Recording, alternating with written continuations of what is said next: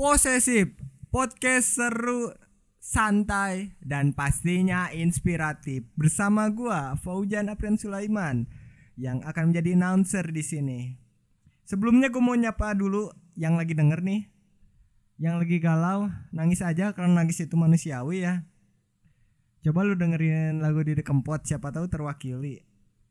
Terus hai juga yang lagi nugas nih. Yang lagi nugas jangan lupa nugasnya dikerjain. Karena lulus tepat waktu itu orang tua lu gak banyak ngeluarin duit dan pasti bangga banget. Dah, ngaco.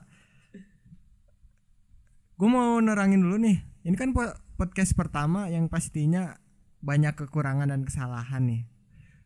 Jadi gue mau nerangin dulu posesif apa itu sih posesif? Posesif itu adalah podcast seru, santai dan inspiratif yang dibuat oleh BEM FIK di bawah departemennya, Departemen Multimedia yang isinya tuh podcast series dengan narasumber yang inspiratif yang akan memberikan semangat, motivasi ataupun wawasan untuk para pendengar semua. Lalu di sini juga podcast ini membahas tentang isu-isu yang ada di internal maupun eksternal FIK atau kampus. Jadi podcast ini tuh sebagai wadah sebenarnya, wadah buat kita mengomentari isu-isu atau kita membahas isu-isu atau kita menerangkan suatu materi dengan narasumber yang inspiratif tersebut. Ya, jadi podcast ini tuh sebagai wadah gitu. Kita sekarang kedatangan ketua BEM FIK Ya, Bang Alip Syukrilah. Ya, halo Jan, apa kabar Jan? Baik, alhamdulillah Kuliah aman ya kuliah? aman. Ulang. Ngulang sih, ngulang. Ulang. Gak bisa magang nih gua. Waduh, jangan ditiru ya teman-teman. Ya. Lip. Gua mau nanya nih, BEM FIK kabinet ini kan namanya kabinet revolusi nih. Kabinet revolusi itu apa sih? Gue pengen tahu tuh kabinet revolusi. Soalnya kan arti revolusi tuh beda menurut gue nih. Revolusi itu kan perubahan secara singkat. Jadi apakah di BEM ini tuh kita harus berubah secara singkat dan cepat gitu? Gimana, Lip? Ya. Jadi sebenarnya kenapa nama dari kabinet gue ini kabinet revolusi ya? Sebenarnya arahnya ini gue ingin membuat BEM FIK yang sebelumnya sudah baik menjadi lebih baik sebenarnya, menjadi lebih baik lagi, lebih baik lagi ke depannya dengan eh, visi misi dan tujuan yang sudah gue apa ya sudah gue bentuk itu di awal bersama wakil gue juga yang bisa kita terapin bareng-bareng sama seluruh fungsionaris dari BEM FIK itu kan. Eh sebenarnya lebih biar kita ini ingin lebih mengena lagi lah di mahasiswa gitu. Ingin lebih banyak berkontribusi lagi untuk fakultas memberikan program-program kerja yang bisa diterima manfaatnya oleh mahasiswa FK itu sendiri. Jadi eh kenapa gua bentuk kabinet revolusi ini? Karena harapannya kita bisa jadi lebih baik lagi sih ke depannya. Itu aja. Apakah lu mau merubah yang sebelumnya menurut apa sih sebelumnya tidak baik atau gimana Lip? Soalnya kan namanya revolusi itu pasti revolusi ada perubahan dari sesuatu. Apa yang ngerubah di sini Lip?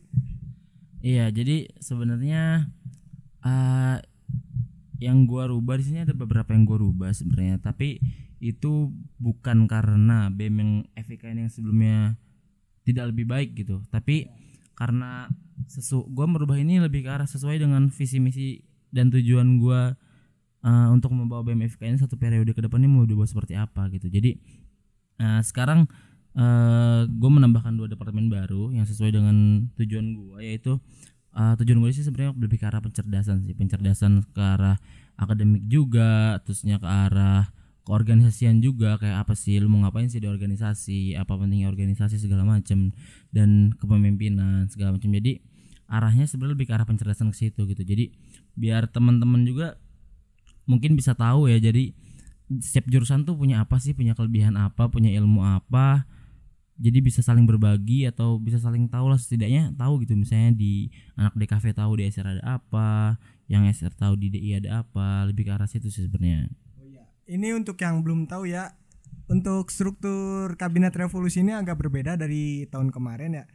Jadi kenapa sih Lip? Jadi strukturnya tuh kayak ada ketua, wakil ketua, terus ada bendahara dan sekretaris, terus di bawahnya ada MO. MO tuh apa sih? Lalu ada bidang, bidang tuh tugasnya apa? Lalu departemen, departemen ya yang melaksanakannya itu kan.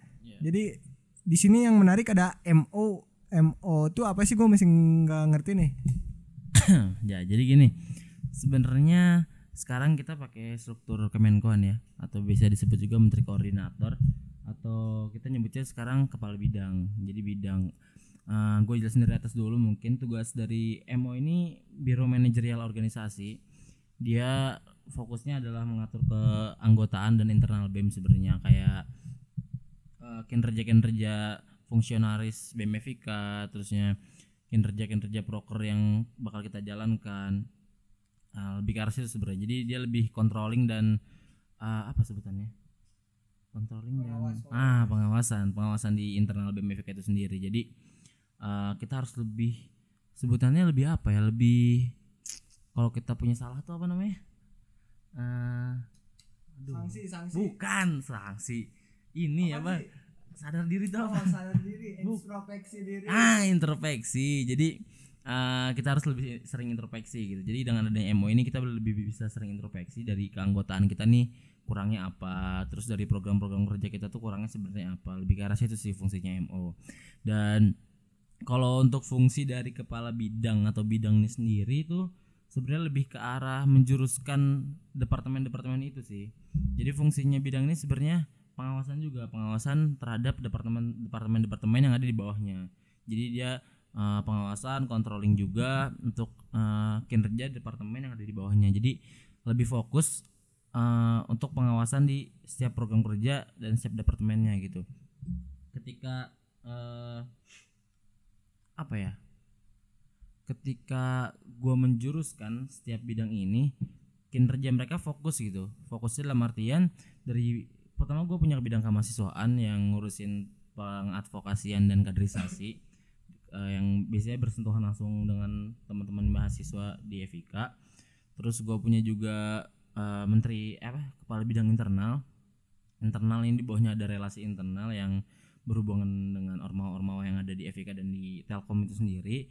Terus ada juga eh, Kementerian Multimedia ini yang bikin podcast ini yang mencetuskan eh, terbentuknya posesif ini. Terus ada juga bidang minat bakat. Minat bakat ini sesuai namanya ya minat sama bakat mahasiswa ini. Biar lebih terarahkan gue di sini punya departemen edukasi departemen eh, pemuda olahraga dan departemen eh kewirausahaan atau yang sekarang namanya ekonomi kreatif. Terus yang terakhir nih kita punya namanya bidang eksternal yang isinya ada hubungan dan diplomasi eksternal yang berhubungan dengan kampus-kampus di luar untuk menjalin relasi keluar eh, Telkom ya. Juga ada kajian dan aksi strategis nih yang mengkaji isu-isu terhangat isu-isu seni isu-isu nasional yang ada di negara kita ataupun di kampus kita saat ini dan yang terakhir ada sosmas kita tidak boleh lupa sebagai badan eksekutif mahasiswa harus berkontribusi juga ke masyarakat sekitar lah setidaknya membantu masyarakat masyarakat sekitar seperti itu sih sebenarnya Oh iya nih. Lu kan udah nerangin tentang struktur dari BEM nih, Lip. Jadi di mana ada struktur, ada anggota dan pasti di situ ada kegiatan dan program kerja nih. Kegiatan yang akan dilakukan BEM FIK selama setahun ke depan tuh apa aja sih, Lip? Terus kontribusi kontribusinya tuh ngapain aja? ya jadi sesuai uh, fokus dan tujuan gue di awal ke arah pencerdasan dan pengadvokasian ya jadi eh sebenarnya harapannya ke depan nih teman-teman FIK bisa lebih tahu lah apa sih dampak dari ikut berorganisasi itu eh, apa manfaatnya untuk teman-teman yang mau ikut organisasi.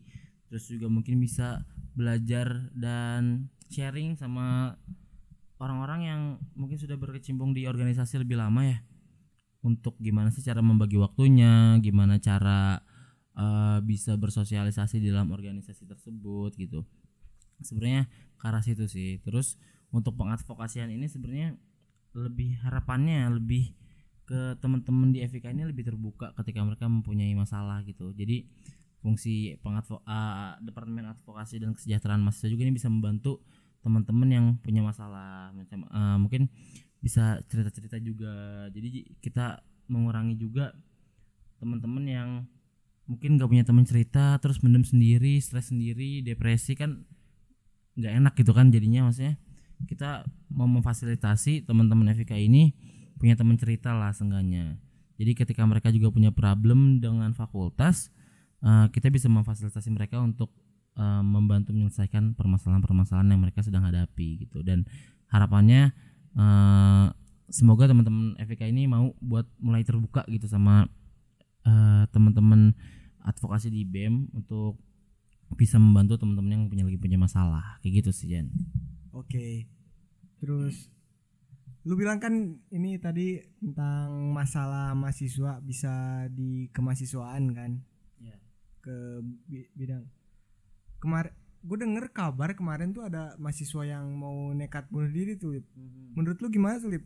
kan sebagai bem yang harusnya dekat dengan mahasiswa yang kita tuh seharusnya bisa tahu lah sebelum dia mau melakukan hal tersebut seharusnya kita udah apa sih ibaratnya kayak melarang apa sih kayak melarang kayak kita udah dengerin cerita mereka gimana sih cara agar supaya agar supaya lagi jadi agar anggota BEM itu dekat dengan mahasiswa yang punya permasalahan tersebut Lip gimana caranya Lip? Ya. Jadi eh, dari Departemen eh, Advokasi dan Kesejahteraan Mahasiswa ini juga lagi merancang salah satu program kerjanya yang nanti bisa memfasilitasi teman-teman di FIK ini eh, untuk bisa apa ya menceritakan atau ketika punya masalah tuh bisa langsung curhat gitu, bisa langsung cerita. beban gitu Ya mungkin kita juga bisa ngebantu kan dari teman-teman ini eh masalahnya apa sih mungkin kita bisa eh, bisa sharing juga bisa bantu juga karena yang penting dari satu masalah kan ada teman cerita dulu. Biar terarah dulu nih gue punya punya masalah nih gue pengen cerita. Apa sih yang perlu ceritain kan setiap orang juga pasti bisa membantu kita menyelesaikan masalah seenggaknya kita punya solusi gitu. Dengan pandangan yang berbeda-beda kan dari setiap orang. Mungkin kalau pandangan gua seperti apa pandangan lo Jan kalau misalnya ada masalah tuh seperti apa. Jadi harapannya teman-teman FK ini mau terbuka lah buat eh, ketika punya masalah jangan dipendam sendiri kan. Gak enak kan nggak usah tiba-tiba ada masuk FK bunuh diri aduh jangan sampai deh jangan sampai ada yang kayak gitu gitu. Jadi harapannya eh itu lagi balik lagi harapannya mahasiswa FK bisa terbuka jangan sampai terjadi hal-hal yang eh, tidak diinginkan gitu kan. Kalau lu tipe orang yang gimana Lip? Yang cara me iniin masalahnya Lip? Cara lu menyelesaikan masalah masalah lu tuh gimana sih Lip? Soalnya gue sendiri nih sedikit cerita aja ya. Gue kalau misalnya cara menyelesaikan masalah gue gue pasti nongkrong. Soalnya kalau misalnya nongkrong tuh masalah masalah gue pasti kelupa. Soalnya di situ ada teman-teman gue yang pasti bakal ngehibur gitu. Jadi kalau misalnya buat teman-teman yang sebenarnya beda-beda sih cara menyelesaikan masalah tiap orang tapi coba ikutin dah cara gue deh. Sebenarnya nggak nggak nyuruh juga ini cuman saran aja deh. Iya kalau misalnya gue sebenarnya ketika gue punya masalah sih gue lebih pengen cepet-cepet nyelesain sih. Jadi gimana caranya gue bisa langsung menghadapi masalah tersebut, bisa nyari solusinya, bisa eh tahu gimana cara menyelesaikan ma- masalah tersebut tuh mau digimanain sih, pakai cara apa sih nyelesainnya. Itu gue lebih ke arah gue pengen buru-buru pokoknya gimana pun gue punya masalah, gue harus buru-buru selesaiin karena ketika gue nyimpen nyimpen masalah ntar gue dapat masalah baru lagi masalah baru lagi ntarnya malah tambah stres nggak sih ke kitanya sendiri gitu. Jadi biasanya gue sih lebih ke ngerenung diem dulu sih. Dia mungkin gue eh diem di kamar untuk mikirin dulu masalah gue tuh sebenarnya apa sih. Ini masalah sebenarnya salah gua kah atau salah orang kah atau salah siapa gitu. Kalau misalnya pun salah gua gua harus menginterpretasi diri gue tuh seperti apa gitu. Ataupun kadang kalau misalnya suasana hati gue lagi bagus dan gue lagi punya masalah gue lebih sering cerita sih sama teman-teman teman terdekat gue cerita aja kayak gue punya masalah ini kira-kira saran dari lu eh apa sih yang bisa gue lakuin gitu untuk sekarang? gitu kan. Kadang karena kadang kita lagi punya masalah pun kadang suka nggak bisa berpikir jernih kan. Kayak mikirnya masalah terus. Jadi coba untuk cerita-cerita sama teman-teman terdekat sama BEM juga boleh sih kalau punya masalah. Siapa tahu kan kita bisa bantu. BEM BEM tuh bisa jadi alternatif cerita untuk permasalahan yang ada di kampus ya. Jadi buat kalian yang ada masalah di percintaannya atau di keluarga atau di keuangan coba ceritalah. Kalau misalnya lu nggak mau cerita ke temen dekat lu karena takut diceng-cengin nih ya lu coba cerita ke BEM siapa tahu ada jalan keluar. Yuk lanjut ke pertanyaan terakhir nih Lip. prinsip yang prinsip revolusi yang diterapkan di BEM FIK itu apa sih? Soalnya kan di setiap namanya sesuatu nama pasti ada prinsip yang diberikan nih. Prinsip yang di kabinet revolusi itu apa sih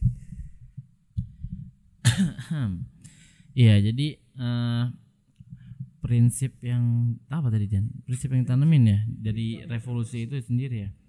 Ya kalau prinsip yang gue tanemin dari si kabinet revolusi ini terlebih untuk anak-anak gue di fungsionaris di BMFK ya sesuai mis visi gua sih sebenarnya. Visi gua ini kan menjadikan BMFIK yang aktif, progresif, responsif, inovatif dan solutif. Jadi uh, perubahannya tuh dimulai dari situ dulu gitu.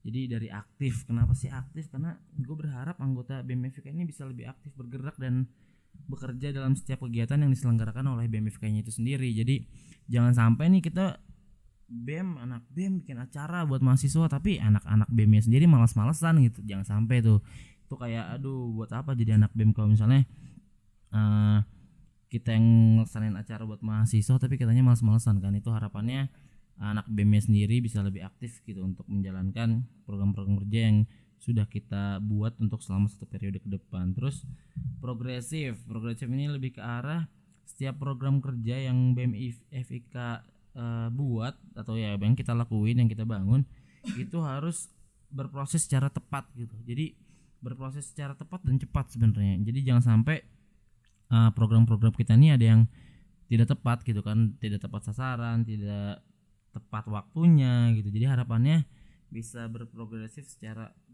cepat dan tepat. Terus responsif. Nah responsif ini sebenarnya lebih ke arah tadi tujuan gue yang pertama ya pengadvokasian. Jadi uh, ketika ada masalah-masalah di mahasiswa ini bisa cepat ditanggapi gitu. Bisa teman-teman dari BEM ini bisa cepat tanggap dan uh, apa ya care sama lingkungannya gitu. Jadi ketika ada masalah responnya itu cepat gitu. Wah di Afrika ada ini nih bisa kita harus ngapain kita harus lakuin apa bisa. Lebih cepat gitu. Terus yang keempat ada inovatif. Inovatif ini ya sesuai ya. Uh, harus program-program kerja itu kita harus lebih beda lah. Harus ada ada yang baru ada yang lebih baik lagi ada yang lebih baru lagi ada yang bisa uh, lebih menyentuh mahasiswa lagi. Terus yang terakhirnya ini solutif. Jadi uh, harapannya dari mahasiswa-mahasiswa yang mempunyai masalah atau problem-problem di FIK ini uh, kita bisa membantu mencarikan solusi gitu. Jadi jangan sampai uh, kita responsif tapi kita juga tidak punya solusi gitu. Jadi harapannya kita punya solusi dari setiap permasalahan yang ada di BMFK itu sendiri ataupun di fakultas kita sendiri. Kayak gitu aja oke menarik sekali ya. Udah cukup kayaknya Lip ya, ya. udah. Mungkin itu saja. Lip thank you Lip siap siap. Mungkin siap. gua nyampein satu lagi nih ya buat teman-teman ditunggu uh, apa posesif yang selanjutnya ya. Karena bakal ada pasti pembicara-pembicara yang lebih menarik sih. Pasti yang untuk uh, bisa menghadirkan apa ya pemikiran-pemikiran baru mungkin buat teman-teman ke depannya. Itu aja sih paling. Ya buat para pendengar teman-teman nih jangan jangan lupa juga nih follow Twitter BEM karena di situ ada informasi-informasi yang bentuknya gak gak kayak di Instagram gitu kan. Kalau di Instagram agak formal gitu. Jadi yang nyeleneh nyelenehnya ada di BEM. Jadi coba coba follow deh. Twitternya BEM FIK di at BEM FIK tell you. Terus jangan lupa follow IG-nya BEM juga di bem.fik. Terus untuk posesif selanjutnya ada possessive series yang bertemakan jangan ribet. Jadi konten seputar saran kreatif bagi kamu yang bekerja pintar dan bermental kuat. Jadi buat kalian yang ingin pekerjaannya tuh aman lancar terus ide-ide tuh muncul terus ya jangan lupa jangan ribet gitu. Ya mungkin itu saja yang yang bisa gua sampein ya. Udah terlalu lama juga sendiri. Udah terlalu lama sendiri.